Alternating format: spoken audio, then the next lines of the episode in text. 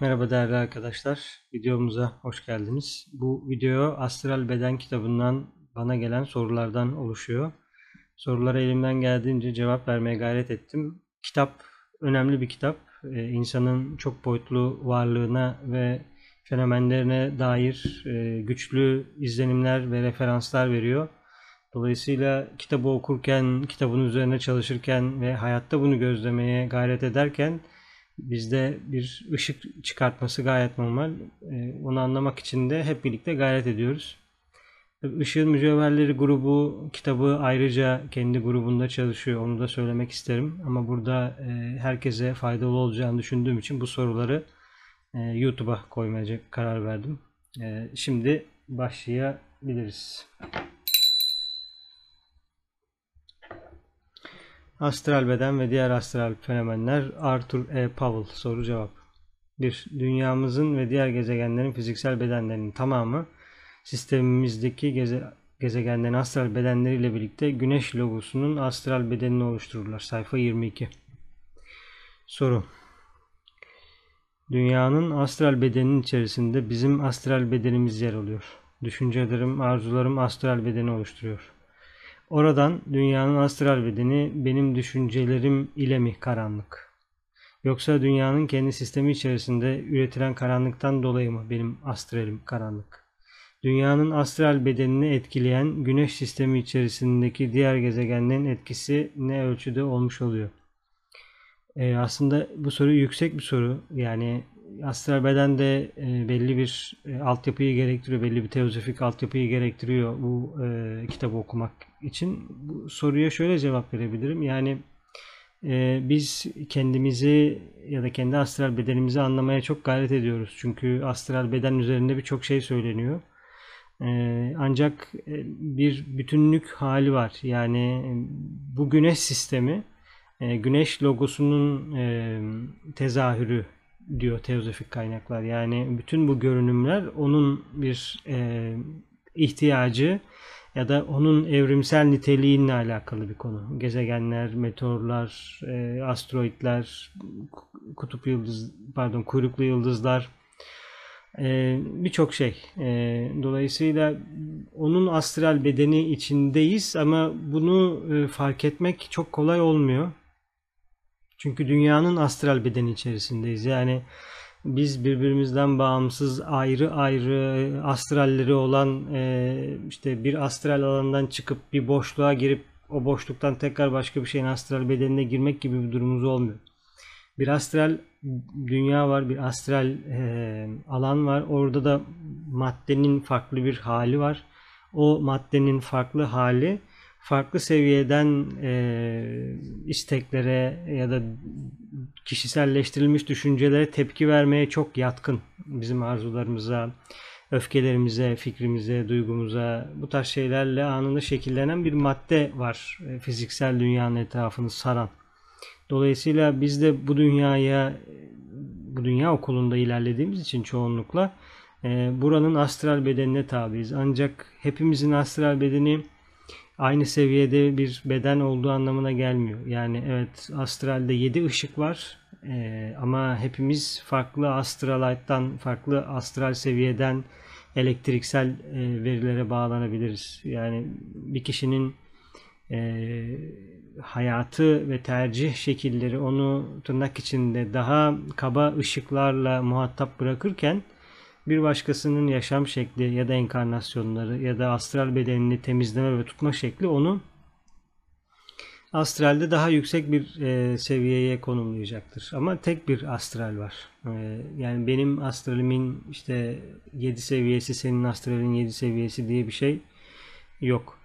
E, astral beden zaten birçok farklı ve anlık e, şeylerle oluşan, şekillenen bir konu. Dolayısıyla her an ürettiğimiz arzular, fikirler ya da isteklerle birlikte e, kendimizi o anlamda konumluyoruz. Yani birden yediye kadar değişen bir şey var. E, bu kendi üzerinde bir gözlem, kendini bilmenin bir hali. Yani kendini bilme çalışırken astralinde nasıl hareketlilikler yaptığını gözlemek önemli. Çünkü biz bir süre sonra dünyaya karşı sorumluyuz. Dünya anaya karşı sorumluyuz. E, çünkü dünya anada daha yüksek bir varlığa karşı sorumlu. O da bir başkasına karşı sorumlu. O yüzden aslında kendini temizlemek, kendinle ilgili bir şeyler yapmak, e, dünya dünyanın astralini temizlemek anlamına geliyor. Bu e, çok açılan bir konu çünkü diyelim ki e, işte en son Yemen'de bir kriz oldu. Hala da var diye biliyorum. E, Yemen'deki krizin sonucunda insanlar korktu, e, aç kaldılar, zorlandılar, e, birçok sıkıntıya girdiler. Dolayısıyla bir çok fazla bir duygu üretildi ve korku e, çok düşük seviyeli bir duygu ve bulunduğu ortamı çok değiştiriyor. Yani aşağıya kadar çekebiliyor. E, ve aşağıdaki e, daha kaba seviyedeki ışıklarla bağ kurmaya neden oluyor. Şimdi Yemen'de e, ya da savaşın olduğu herhangi bir yerde 100 bin tane insan varlığının ve sürekli korktuğunu düşün. Her gün yani bir hafta boyunca, bir ay boyunca, iki ay boyunca sürekli senin astralinde oluşan tek şey korku. Ee, mesela ibadet edildiğinde ya da iyi bir yere gidildiğinde, arkadaşlarla vakit geçirildiğinde etrafa yaptığımız ışımayı biliriz. Yani işte iyi duygular biliriz en azından. O ortamın ferahlığı, aydınlığı ve orada bulunmak istemeyle daha düşük bir e, seviyede arasında çok fark var. O yüzden e, Yemen gibi savaşın olduğu bölgelerde açığa çıkan karanlıktan kim sorumlu? Yani ben Türkiye'de yaşıyorum diye ya da ötekisi Avrupa'da yaşıyor diye birisi Amerika'da yaşıyor diye Yemen'de olan şey beni ilgilendiremiyor diyemiyorsun. Çünkü tek bir alan altındasın. Sen kendi astralini koruduktan sonra ya da kendine ilgili çalışmalar yaptıktan sonra sonra bölgeni e, ya da bulunduğun şehri, ülkeyi e, nin alanlarını temizlemeye gayret ediyorsun. E, herkesin farklı farklı görevleri olabiliyor. Yani illa astral fenomenleri alalım, alt psişik doğamızı canlandıralım diye söylemiyorum bunları. E, bir şeyi tam olarak, net olarak bütün detaylarıyla göremeyebiliriz sorun değil. Ama biz yaratıcı fakültelerimizi yaratıma ve iyilikle ilgili olan şeyler için kullanabiliriz. Yani o bölgeye ışık yolu diyebiliriz. O bölgedeki sıkılmış, sorunlu olan bütün insanların kalplerine sarı ve yeşil ışık yollayabiliriz. İkinci rey enerjilerini oraya yollarız. Dua ederiz. Bunun gibi. Zaten belli bir CD geliştirmiş olanlar o bölgelere bağlanıyorlar ve o bölgedeki sorunları düzeltmeye gayret ediyorlar. Çünkü aniden e, astrale geçiş için zorlanan bedenler şoka giriyor çoğunlukla. E, ve öldüklerinin farkında olmadan birazcık vakit geçiriyorlar. Yani bu dünyanın astraline çok zarar veren bir konu. Dolayısıyla bize zarar veren bir konu. Çünkü sen bir astraldesin. E, bu analoji için bedeni anlamak faydalı olabilir. Yani e, işte bedenimizde diyelim ki normal bir insanın yaşı ortalama 80 yıl ama e, bedenin tümü 80 yıl yaşarken bazı hücreler e, bir günde bir, iki haftada bir, bir ayda bir, altı ayda bir neyse dezenkarne oluyorlar ve tekrar enkarne oluyorlar. Yani ölüyorlar ve tekrar doğuyorlar. Ama beden içinde bir şey değişmiyor. Yani biz e, benim şu hücrem, şu kadar hücrem günde enkarne oluyor, olmuyor diye bakmıyoruz. Yani dünya dünyanın alanı biraz daha dünyada olan bitene karşı hassastır ama e, güneş logosu açısından düşünürsek o mesela 5 milyar yıl yaşıyor. Biz insanlar olarak sürekli doğup ölüyoruz ya da ölüyoruz, doğuyoruz, ölüyoruz, doğuyoruz. Bazımız bir yaşında ölüyor, bazımız 80 yaşında ölüyor, bazımız 200 yaşında ölüyor. Önemli değil. Yani biz daha sık ölüp tekrar doğuyoruz. Onlar bize göre e, çünkü kendi durduğumuz noktadan baktığımız için öyle e, çok uzun süreler e, yaşıyorlar. Ama onun için döngüler önemli. Bunu anlamak için döngüleri biraz e, çalışmak olabilir. Yani benim karanlığım onu etkiliyor, onun karanlığı beni etkiliyor. Yani başında kim karanlıktı, kimden geliyor bu karanlık gibi bir sorunun takibi çok kolay değil. Karanlığın bir e, nedenselliği var bu e, galaksimizde ya da e, güneş sistemimize giriş yapan karanlığın bir nedeni var. E, Master DK bunu kitaplarında bahsediyor. Ee, ama bu bu videonun konusunu için biraz fazla bir konu. Ee, karanlığın nedenini o anlamda aramak. Çünkü yıldız seviyesinde bir konu. Galaksi seviyesinde de olabilir. Dolayısıyla biz şu an gezegen seviyesindeyiz. Yani güneş gezegen arasındaki bir noktadayız. E, o yüzden e, yani burada dünyanın bir karanlığı var. E, oluşturduğu bir karanlık var. E, çünkü aydınlanmadık daha. Yani dünya olarak bir kutsal gezegen haline gelmedik. Dünyanın içinde yaşayanların ona ürettiği karanlıklar var. E, ve hepimize karma için bir alan açılması gerekiyor. Bir merhamet yasası da var çünkü. Yani sen 5 hayatın boyunca kara büyüyü tercih ettin, varlıkları manipüle ettin, işte cinsel maji yaptın, saçma sapan şeyler yaptın, kendine psişik bir karma ürettin. E ne olacak bu ürettiğin psişik karma? Yani gezegenin sana mekan açması, alan açması lazım ki sen o karmanı temizleyebil ya da tercih hakkı versin sana. Yani 10 defa bunu yaptın diye kimse seni çöpe atmıyor. 11. şans veriliyor. 11.sinde belki ışığı bulabilirsin diye. Sana 11. enkarnasyonundaki mekanı kim açacak? Karmanı temizleyebilmen için o karşılaşmaları yaşaman lazım. O dönemde e, seninle birlikte gelen ya da senin zarar verdiğin insanların bir şekilde parçaları ya da kendileri burada olması lazım ki sen o sınavla karşılaş burada. E sana o sınavları oluşturabilmesi için, seni burada konumlayabilmesi için senin yanındakilerle de birlikte buraya onu konumlaması gerekiyor. Dolayısıyla bakıldığında yani biz biz gelişebilelim diye ya da biz tırnak içinde aydınlığı seçip ve sürekli de seçmeye devam edip o yolda yürü, yürüyebilelim diye birileri sürekli karanlıkla muhatap oluyor. Yani yoksa dünya anası çok yüksek seviye bir inisiye. Yani bizim seviyemizdeki karanlıkla ne işi olsun yani. Ama biz tırnak içinde tam aydınlanmadığımız için e, karanlığı tercih edebiliyoruz ya da karanlık ışıklar üretebiliyoruz ama karanlık ışık üretiyoruz diye de e, kimse öldürüp tekrar yeniden getirmiyor. Karma yasasıyla e, bunun yükselebilmesi için bunun e, ışığın karşıtında bir şey olduğunu anlayabilmemiz için sürekli fırsatlar veriliyor. 8 milyar insanın 8 milyarına da aydınlanması için mekan açtığınızı düşünün. Ve bu mekanların çoğu karanlık olacak. Çünkü çok az insan aydınlandı herhalde dünyada. Yani genel kitleye doğru bunu e, oranlarsak. Dolayısıyla o genel kitlenin oluşturduğu karanlık kimin karanlığı? Dünyanın karanlığı mı? İşte bunu birilerinin alması lazım üzerine. Yani birisi bunu üzerine alıp e, bunu temizlemesi lazım. E, işte bu da bizi bir hale getiriyor. Yani e, egoik lotusta e, fedakarlık yaprakları denilen ve atmadan gelen o alana bizi bağlıyor. Yani sen yani kendi karmanı temizledin sorun yok. E, ne demekse o ya da belli bir seviyeye geldin. E, benim işim bitti demiyorsun. Mesela işte bodhisattva yemini ediyorsun dünyadaki bütün hisseden varlıkların belli bir aşamaya gelmesi için ben buradayım diyorsun. Çünkü sen yani belli bir seviyeye gelmiş olabilirsin ama hala karanlık üretiliyor. Kim ilgilenecek bu karanlıkla? Ee, yani sürekli karmalar oluşuyor, mekanlar açılıyor, karmalar oluşuyor, yanlış tercihler yapıyor. Çünkü illüzyon içindeyiz. İllüzyonda yanılsama ya da çarpıtma üretiyor. O çarpıtma da bizi karanlığa götürüyor e, bu ayrımı nasıl ortadan kaldıracağız? Herkesin özgür iradesi var. Gidip insanlara bu doğru bu yanlış diyemezsin. Çünkü bir defa bu doğru bu yanlış dedikten sonra başka bir krizde tekrar birisinin onay vermesini bekleyecekler. Kime gidelim ona için? İmama mı gidelim? Ne bileyim hocaya mı gidelim? Öğretmene mi gidelim? Kime gidelim ya? Guruya mı gidelim? Ben böyle bir şeyin içine girdim. Buranın doğru yanlışı ne? Tamam bir şey söyledi. İkincisinde Dolayısıyla sürekli kendimize bir şeyler ararsak nasıl gelişeceğiz? Nasıl e, yükseleceğiz de e, belli seviyelere geleceğiz?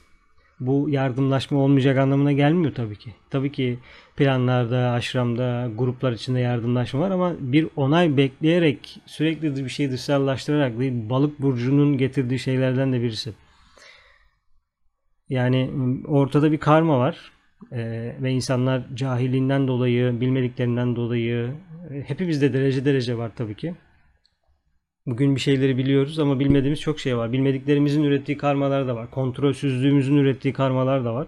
Ya da karanlıklar da var. Dolayısıyla e, sen 100 birim karma temizlerken dünyanın da karmasını temizlemek istiyorsun. Mesela diyorsun ki ben her dolunay, her yeni ay, her pazar günü, her pazartesi günü, her işte özel günde dünya üzerine meditasyon yapacağım. Dünyadaki karanlığın giderilmesi ve aydınlığın gelmesi için yüksek güçlere, meleklere, idarecilere, peygamberlere, velilere, hacılara, ermişlere dua edeceğim. Onların dünyayı ışıkla sardığını, dünyada açlığın ortadan kalktığını, insanların kötü hareketlerinin engellendiğine dair iyi dilekler geçireceğim. Ve bunu en yakınımda gördüğüm, bana göre aydınlanmış olduğuna karar verdiğim bir kişiye yönlendireceğim. Bu mesela bir e, metottur. Yani sen kendi yüz birimini temizlersin. Dünyadaki yüz birimle ilgili de bir dert hissedersin üzerinde. Bunu da ona yönlendirirsin.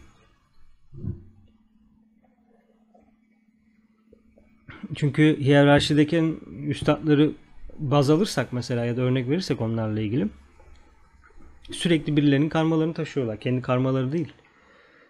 İnsanlığın dertlerini kendilerine dert ediyorlar ve e, bunu çözmek için canla başlı uğraşıyorlar. Yani bu e, onların birebir sorunu mu acaba? Ama e, ortak oluyorlar bu karmaya çünkü kim yapacak? Yani dünya anası mı girip onun yerine çözecek? Ya onlar başka şeylerle ilgileniyor tabi. O yüzden bize iş düşüyor. Yani senin kendi karanlığın dünyayı kirletiyor. Dünyanın dolayısıyla oluşan karanlığı seni kirletiyor. Çünkü astral ışık kirleniyor. E, ve bebekler de bu kirli astral ışığa doğuyor. E, ya da dünyaya daha yukarıdan gelecek olan kirli ışık, yani ışıklar bu kirlenmiş atmosferden geçip bize geliyor. Bu büyük bir sorun. Üretilen düşünce formları o astral alanda kalıyor.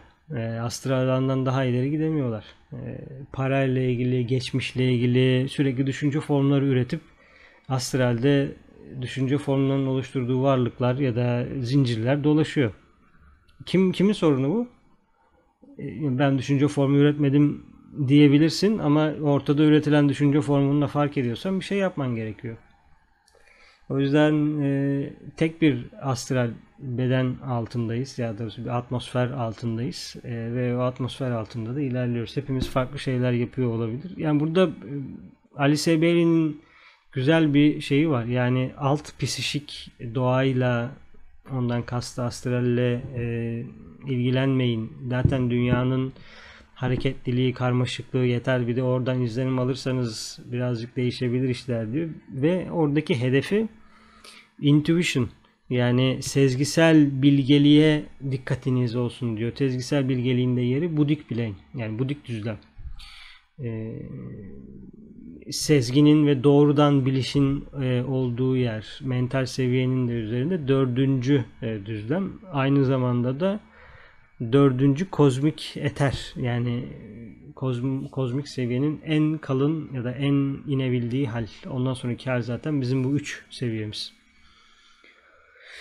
Bu aşağıdaki neyse yukarısındaki ok, odura dair önemli bir konu ve e, Law of Correspondence denilen e, Türkçe çevirisi karşılıklılık anlamına gelen ya da o anlam ya da o tanımı taşıyor. Tam belki karşılığı olmayabilir ama bir şey neye karşılık geliyor onu anlıyoruz. Bunu anlamak bize bir şeyleri takip etme fırsatı veriyor.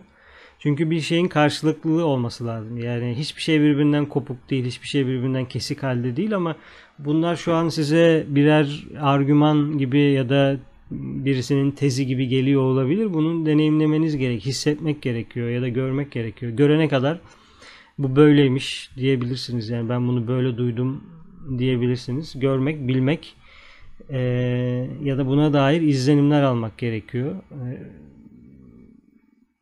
çünkü burada da bir sorumluluk hali var. Yani başkası için bir şeyler yapabilmek. Tabii sonuçlarla ilgilenelim demiyorum burada. Yani e, çoğunlukla insanlar sonuçlarla ilgilenir. Ama sonuçlardan yola çıkarıp sonuçları görüp onlardan çıkarım yapıp eğer yargı üretiyorsak bu e, çok da temizlik anlamına gelmiyor açıkçası. Çünkü sonucu görüp e, yargı üretiyorsun. Ürettiğin yargı da zaten astral olarak bir çöp oluşturuyor ya da kirli bir alan oluşturuyor ya da düşük bir ışık oluşturuyor. Ancak sen sonuçlarla ilgileniyorsun. Diyelim ki e, sahildeki e, çöpleri temizliyorsun. O anlamda oradaki varlıkların alanını ferahlatıyorsun. Ama o bir yerden alan ferahlatırken bir yerlerde yargıyı basıyorsun ve o yargı orada duruyor. Arkandan temizlemeye gelen de o yargıyı alıyor. Belki düşüncesinde, aklında öyle bir şey yokken O da diyor ki ya ne kadar çok yapmışlar bunu. Evet ya işte bu kadar da olmaz yiyip içip gidiyorlar falan filan. Sen oraya büyütüyorsun biraz da. Yanından gelen alıyor büyütüyor. Yani değişik bir hale getiriyor konuyu. Ama sen bakıldığında yardım ediyorsun. Yani ne yardım ediyorsun? Sonuçlar üzerinde bir şeyler yapıyorsun. O sonuç gidecek başka bir sonuç gelecek. Yani sen e, gazete alacaksın, muz kabuğu gelecek. Muz kabuğu alacaksın, yedikleri mısırın koçanı gelecek. Bir şeyler olacak muhakkak. Yani önemli olan e, bir bir yardım yaparken o iyi anlamak yardımı. Yani eleştirmek için mi yapıyorsun? Sen insanları eleştirmek mi istiyorsun? Yoksa senin amacın buradaki varlıklara iyi gelecek çöpü mü temizlemek? Bu kadar. Eğer çöpü temizlediysen insanları niye yargılıyorsun? İnsanları yargılıyorsan bunun için bir şey temizlemene gerek yok. Yani burada e, insanın sorumluluğundan bahsetmeye çalışıyorum. Yani nedir bizi bu anlamda e, sorumlu tutan şey ne? E, çünkü benim karanlığım senin karanlığın ya da genel anlamda bir karanlık karanlık e, hepimizin sorunu. Yani ben aydınlansam ne olacak?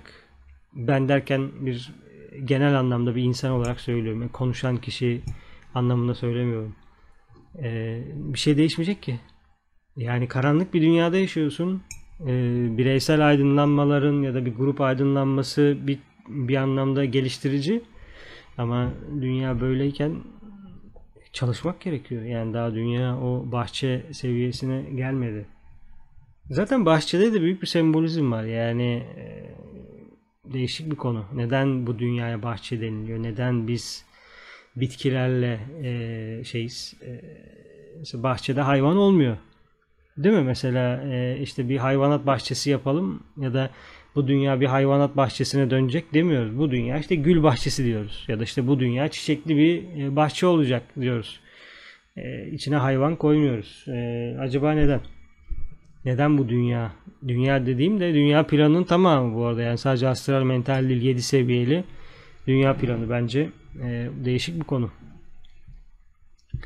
O yüzden e, çoğunlukla biz üretiyoruz karanlığı. Bazen karanlık dışarıdan geliyor. E, tabi insan tercih ettiği için karanlığı ya da ürettiği için daha fazla geliyor.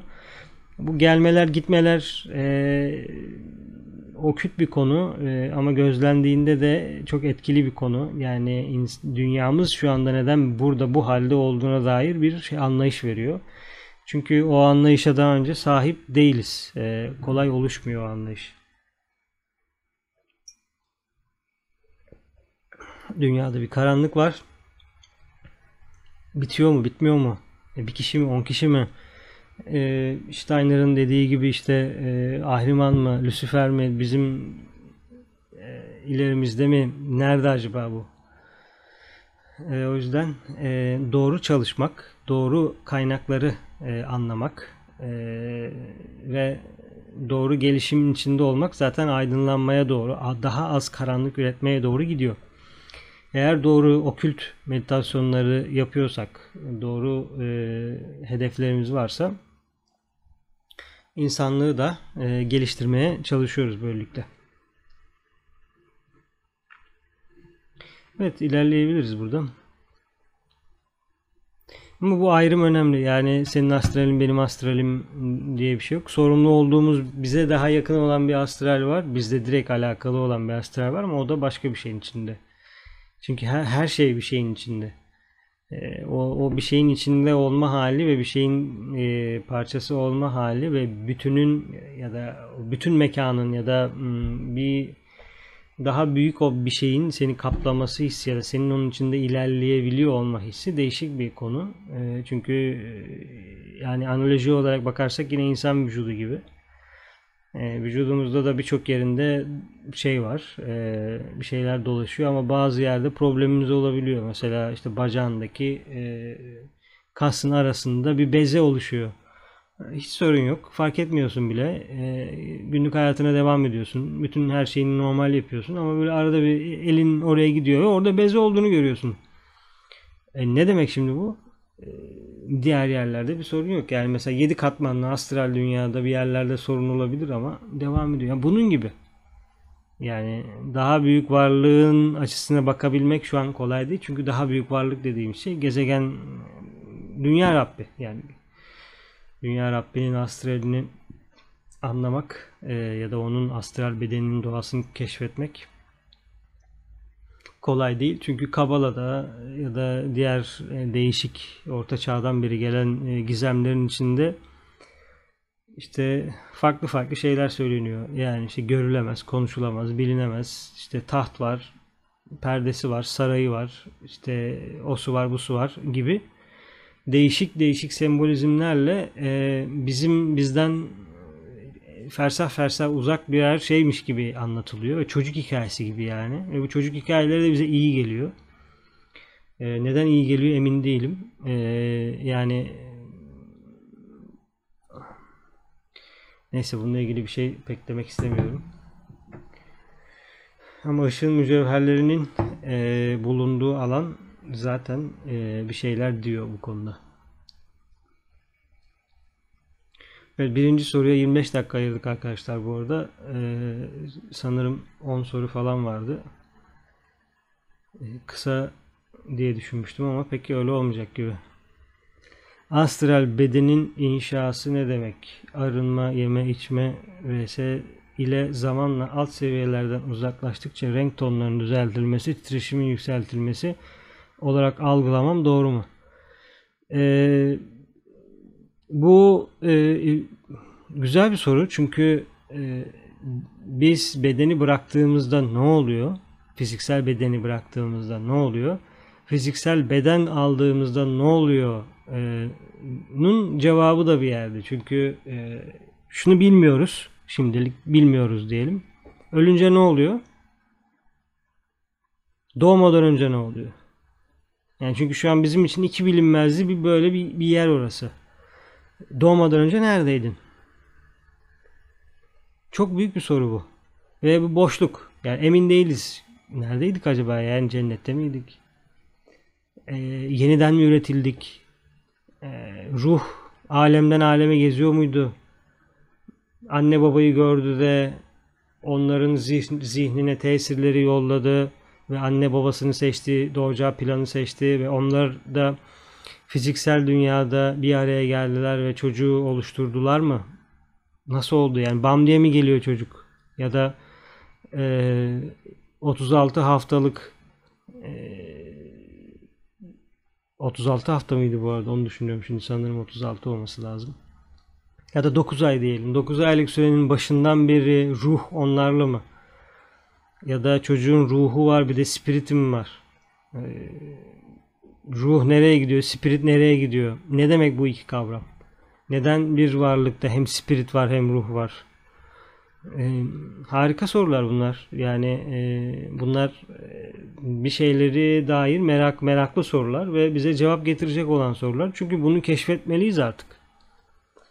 Yani ölünce ne oluyor? Herkes zaten ölümle ilgileniyor bu aralar. Yani gördüğüm kadarıyla işte ölümden sonra yaşam e, ya da işte ölüme yakın deneyimler ya da ölen 10 dakika sonra geri gelenlerin anlattığı değişik şeyler. Ve doğmadan önce orada ne oluyor? Fiziksel bedene girmeden önce yani bebek olarak buraya seni bağlamadıklarını ya da sen buraya gelmeden önce ya da bağlanmadan önce ne oluyor? Bunun cevabı var mı acaba? Çünkü bu bizi kadın ve erkeğin gizemine dair de bir fikir verecek. Ee, neden kadın ve erkek bu dünyada bir araya geliyor ya da eylemlerinin sonucunda ne olabilir ya da ne olmaya doğru ilerliyor. Ee, çünkü ileride daha yüksek inisiyeler e, bu dünyada doğmak istediklerinde e, yüksek araçlara ihtiyaç olacaklar ve onlar buraya geldiğinde de e, inisiye genelde karmayla birlikte geliyor. Çünkü normal insanlara göre daha fazla karması oluyor. Bir defa psişik karması oluyor. Yani normal insan işte birini öldürüyor, bir şey çalıyor, oradan onu yapıyor.